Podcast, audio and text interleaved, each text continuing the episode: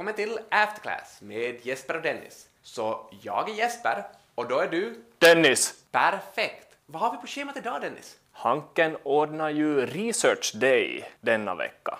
Okej, så det är där Hanken presenterar kanske sin mest framstående forskning. Det kan man påstå. För det första, Bengt Holmström kommer på besök, Nobelprisvinnaren.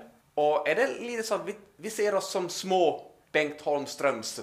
Är det väl lite som att jag är Bengt och du är Holmström? Ja, vem vet. Men vi har också en annan prominent person här med oss idag. Jo, vi har en av de här som ska presentera sin forskning vid Hanken Research Day. Och det är Kim Ittonen. Välkommen till Afterclass! Tack ska ni ha. Roligt att vara här. Kim ska prata om revision och hur covid-19-krisen har påverkat revisionskvaliteten. Men kan du först förklara lite för oss vad revision är, eller hur ska vi, hur ska vi tänka kring revision? Vi kan tänka så att revision minskar risken för väsentliga felaktigheter i bokslutet. Bokslut, mindre risk. Kan vi ta ett mer vardagligt exempel också, utanför bolagssfären? Jag brukar använda ett sånt här exempel att Jesper, du verkar vara intresserad av Tesla-bilar och vi leker med tanken att du skulle vilja köpa en Tesla. Då tror jag att det skulle vara en begagnad Tesla. Okej, vi tar en begagnad Tesla och eh, jag tror inte att du är expert på elbilar, dess teknik eller bilar kanske överhuvudtaget. Så då skulle du kanske vilja anlita en besiktare eller konditionsgranskare kan vi väl kalla det. Om vi tänker bara här, alltså det här är någon som komma med mig när jag går till bilaffären.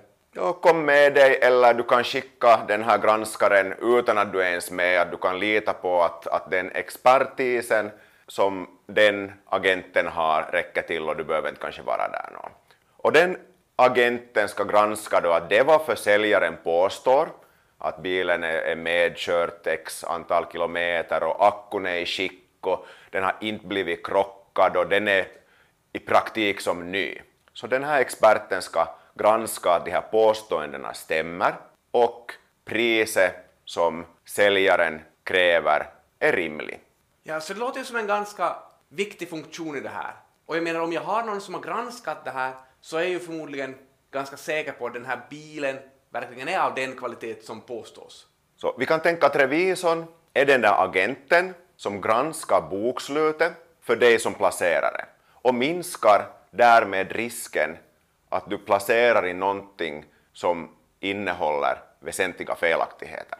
Så i er forskning nu då, ni har kollat på effekten av covid-19 på den här revisionsprocessen. Så att vad händer om Jesper ska köpa en bil men konditionsgranskaren kan inte gå och se på bilen? Är det lite så? Precis så. Så normal process hör till då att, att revisorn besöker kunden, gör så kallade site visits, kommunicera, ha kanske möte med ledningen, granska vissa processer. Och nu på grund av covid har inte revisorn möjlighet att besöka kunden och en viktig del av processen faller bort. I den här forskningen så tittar ni ju lite på karaktäristikor, så vad är det då för karaktäristikor, eller revisorskaraktäristikor, eller då granskarkaraktäristikor som blir speciellt viktiga i den här situationen? Vi har, vi har kommit fram till att speciellt kundkännedom och revisionsbolagets kapacitet bidrar till någon typ av tålighet mot sådana här allvarliga chockar som covid-19. Kan vi koppla det här forskningsresultatet till ditt bilexempel? Vi kan tänka på det sättet att om den här agenten känner försäljaren från tidigare, plus om den här agenten har mera erfarenhet, mera expertis eller någon annan typ av kunskap. Så det är sådana faktorer som kan bidra till att den där bedömningen av bilens kvalitet blir högre även om inte man fysiskt kan granska bilen. Det där låter som en mycket bra summering av den här forskningen och vi kan inte annat än önska lycka till framöver och tack för att du var med. Tack själv. Så ganska intressant det här med revisorer, visst Jesper? Ja, och man ska komma ihåg att revisorer är väl kanske speciellt viktiga när företag vill ta in externt kapital. Endera genom någon typ av lån eller genom att emittera nya aktier. Och sånt här händer ju dagligen. Har du något speciellt exempel i tankarna? En stor sån här börslistning som har hänt nu nyligen så var ju det här Nordnet. Så där var det ju inte frågan om nytt kapital som skulle in utan det var mer gamla ägare som sålde bort sin del så att säga. Och Nordnet är då alltså den här, vi kan väl ännu kalla det en uppstickarbank. Ja, det är ju en sån här ställe där privatinvesterare kan registrera sig och handla med aktier och så vidare. Om man är en sparare så är man förmodligen väldigt bekant med Nordnet. De fick ju faktiskt också den här fina tickern SAVE. Ja, det, får, det tycker vi får godkänt. Ja, så de börslistades på Stockholmsbörsen för teckningskursen 96 kronor. Intressant då att första handelsdagen då avslutades handeln på kursen 105 kronor. Så det var en 9% uppgång där direkt. Det här är någonting som man ganska ofta ser, att vid IPOs så går kursen upp den här första dagen, åtminstone från teckningspriset. Så man skulle alltså kunna varit med och tecknat lite här och sen sålt bort redan första dagen och gjort sig en hacka. Är det så? I snitt brukar det här vara en bra idé. Men det är ingen allmän rekommendation ändå. Nej, det är ingen allmän rekommendation, men i snitt så går IPO-aktierna upp den första dagen. Man kallar det här fenomenet till IPO-underprissättning. Och IPO betyder Initial Public Offering. perfekt. Frågan är om det här är ett IPO i Nordnets fall. Ja, alltså de, de var ju börslistade tidigare också. Ända fram till februari 2017. Då var det så lustigt att en sån här ägarfamilj och ett annat bolag köpte bort Nordnet från Stockholmsbörsen. I princip för summan 6,6 miljarder kronor. Okej, det där är ju intressant. Vad är värderingen nu när Nordnet kommer tillbaka till börsen? Alltså med 105 kronor per aktie så skulle man ta det gånger antalet aktier som finns där ute och det är 250 miljoner. Så då skulle man få 26,2 miljarder i värdering. Så Och- en ökning där, 6,6 till 26,2. Så det känns ju på basen av det här som om de här storägarna gör, vad jag ska säga, vettiga beslut för sig själva. Alltså det känns ju som att någon har tjänat pengar här. Jo, det köptes bort, eller togs bort från börsen när det var billigt och kommer nu tillbaka till börsen när det har en högre värdering. Finns det något liknande bolag som Nordnet på Stockholmsbörsen? Finns det här Avanza? Och hur har deras aktiekurs gått? Bara uppåt, bara uppåt. Är det så att 2020 har varit ett helt suveränt år också? Absolut, det här är sån här corona-vinnarföretag. En annan liknande situation händer faktiskt i Finland också, där vi har en lite mer oväntad coronavinnare som väljer att ta sig bort från börsen. Vem är det då? Det är faktiskt Ahola Transport som vi har pratat om tidigare här i börsen när vi funderar på vilka bolag som rapporterar endast halvårsvis. Ja, just det. De kom in, också de på svenska börsen, First North till Sverige då 2015, flyttade sen till First North till Finland 2016 och väljer nu att gå bort från börsen. Det här görs tack vare att, igen, en storägarfamilj köper över 90 procent av aktierna. Så tycker du att det här är en sån här opportunistisk aktion då också från den här ägarfamiljen, som, som i Nordnets fall? Ja, det ser ut som om de tar bort Ahola från börsen i rätt tid. Så Ahola kurs, Aholas aktiekurs har i princip från 2016 till slutet på 2019 hållit sig mellan 70 cent till en euro. Och det har gått ganska trögt för bolaget. Men i år faktiskt ser det ut som det går mycket bättre för Ahola. Och det känns som om ägarfamiljen tar bort bolaget från börsen just när det var skördetid för aktieägarna. Just det, ja. Igen, för att komma ihåg vad Ahola gör här, så ägarfamiljen har haft en väldigt stor del av aktierna nästan hela tiden. Kring en 89 procent. Så en stark ägare, stor ägare där. Och vad de, de nu gör är att de köpte lite till aktier så de fick över 90 procent. Och när man har över 90 procent av bolagets aktier så kan man lösa in resterande delen av aktierna. Och intressant att du nämnde storägare, för det här är ju en vanlig sak som man hör att man vill ha bolag med en ägare av kött och blod, en, ägare, en storägare som kan man tänker att den här storägaren kan övervaka ledningen så att ledningen gör de rätta besluten. Men här har vi en situation där vi har en storägare som kanske drar lite nytta av småägarna. Så du säger att det här, den här affären gynnar de stora ägarna, ägarfamiljen. Varför tycker man det? Ja, man kan ju inte vara helt säker alltid, men det känns som att Ahola just nu ändå är rätt så lågt värderat. De har till exempel ett PE-tal på 10,31. Så vad betyder det här PE-talet? Så P-talet är då alltså om man tar priset på en aktie och dividerar det med vinsten per aktie. Så i Aholas fall, någonting på 10. Ja.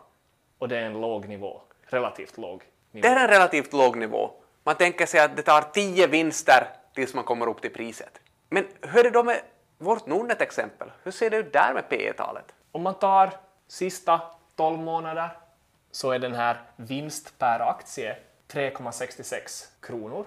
Tar vi det dividerat med 105 så får vi någonting mot 29 ungefär. Så det skulle ta 29 år av denna nivå på vinsten innan man är uppe till den här värderingen. Ja, vi har pratat lite om att man kan vara lite opportunistisk när man gör en sån här börsintroduktion. Då kan man fundera sig att är den här vinsten som Nordnet nu rapporterar, är den så här är den ungefär på samma nivå som den historiska vinsten som Nordnet har haft? Ser vi tillbaks då på 2019 nivåer, om man skulle ta motsvarande period, motsvarande 12 månader, ett år tillbaka, så då har vi inte en vinst per aktie i Nordnets fall på 3,66, utan den är 1,02 per aktie. Och tar man det då och räknar ut ett sånt här P-tal så då går det över 100. Vi pratar om en medel PE på 22 på Helsingforsbörsen. Och det där 100 låter väl kanske som en ganska hög värdering. Ja, ja, ja, det gör det verkligen. Vad, vad orsakar det stora hoppet från 1,02 till 3,66? No, mycket skulle jag säga beror på just det här att det har varit mycket livlig handel med aktier bland småsparare, vilket har gjort att intäkterna har ökat för ett bolag som Nordnet som tar då lite, en liten del av varje handelstransaktion och lägger i sin egen ficka. Kan Nordnet ha gjort något annat för att öka de här intäkterna? Från början, det här var ju en bank som gjorde sig, ville vara liksom kompis med den lilla människan, småspararen. Man kunde köpa fonder utan avgift och nu kanske det har varit så att man har lagt på en liten avgift istället. Och lägger man på en avgift från någonting som tidigare varit noll så går ju också vinsten upp ganska smidigt. Och varför inte göra just det där i en tid då man ska börslistas så att man får ett ganska fin vinst per aktie som man ska berätta åt de som ska köpa aktierna. För man säger också någonting sån här att man lovar lite 70 procent utdelning i dividend av vinsten. Så då är det ju bra, desto högre vinst, desto bättre. Så man lite flörtar med de här nya aktieägarna? Ja, man vill väl göra sig lite fin då man ska ut på dans. Så det är frågan om lite sån här resultatmanipulering nästan, eller resultatförsköning. Ja, det låter ju lite som när Scandic skulle börslistas. Då sänkte man rumstemperaturen i hotellrummen ett halvår före den här börslistningen. Och på så sätt fick man ju ner värmekostnaderna. Och som man alltid säger, när värmekostnaderna går ner så går Resultatet upp. Exakt. Men ofta när man gör en sån här introduktion av något slag så brukar man ju, som vi sa, jämföra den här värderingen mot peers, eller här liknande företag inom samma land eller inom samma bransch. Finns det andra företag än just Avanza som är i den här branschen? Det finns faktiskt ett, en amerikansk motsvarighet också, där en börslistning kommer att komma så småningom. 2021 pratas det om. Det här bolaget heter Robinhood. Vet inte om det betyder att de tar av det rika och ger till det fattiga, men där pratar man om en värdering kring 9,8 miljarder i euro. Eh, de har 13 miljoner användare jämfört med en miljon användare i Nordnets fall. Skulle en intressant jämförelse här att vara att vad är marknadsvärdet per användare? Ja, det kan man ju enkelt räkna ut. Man tar den här värderingen dividerat med antalet användare. Så gör jag den kalkylen för Nordnet så får jag 2588 euro per användare värde. Är det mycket lite? Egentligen tycker jag det låter lite högt, men inte vet jag vad en, vad en bankkund är värd. No, om vi räknar samma sak för Robinhood, 13 miljoner användare, tar värde dividerat med dem, 755 får jag det till då. Så där är ju nog en diskrepans. Vad kan den här diskrepansen bero på? Det kan ju vara många saker som spelar roll här, till exempel någon slags tillväxt. Uh, jag tycker ändå på amerikanska marknaden att det borde finnas tillväxtpotential från 13 miljoner jämfört med en miljon i Norden. Men också förstås skillnader i skuldsättningsgrad som borde prisas in här. Så kan det ju också vara lite kanske skillnader i så här affärsverksamhet. Nordnet har ju ändå lite jag tror till och med i Sverige kanske man kan få ett huslån från Nordnet. Jag vågar, jag är inte säker på det här, men lite gissningar här. Men vad gör Robinhood då? Eller vad är deras affärsverksamhet? Robinhood kör mycket på det här att man har en app som man kan enkelt handla och sälja aktier med och jag har hört många amerikanska personer som har sagt att jag har slutat använda Tinder-appen, du vet den här dating-appen. Nej, jag vet inte. och flytta över till Robinhood för att på Robinhood så är det för det första mycket roligare och det är bättre avkastning. Nåja, men eh, så de har den här appen, förutom den här appen, så att om man synar Robin Hood i sömmarna lite här, så en lite ful grej som de håller på med så är att de säljer äh, data egentligen. Privatinvesterarnas affärer, affärsinformation, säljs till hedgefonder så att de här stora hedgefonderna då sen kan dena ut vem det är som gör vissa affärer. Och därefter kan hedgefonderna göra väldigt snabba vinster på igen privatinvesterarnas bekostnad. Men det är väl inte riktigt Robin Hoods stil? Nej, det där är ju mer som sheriffen i Nottingham, vet du. Alltså att de tar från de fattiga och ger till de rika? Yes. Men vår stil i Afterclass, vi är ju på de godas sida. Ja, verkligen. Och om vi skulle ta några Robin Hood-karaktärer så då tror jag jag är Broder Tuck. Och jag, Lille John. Det låter bra. Vi fortsätter nästa vecka med nya insikter i After Class.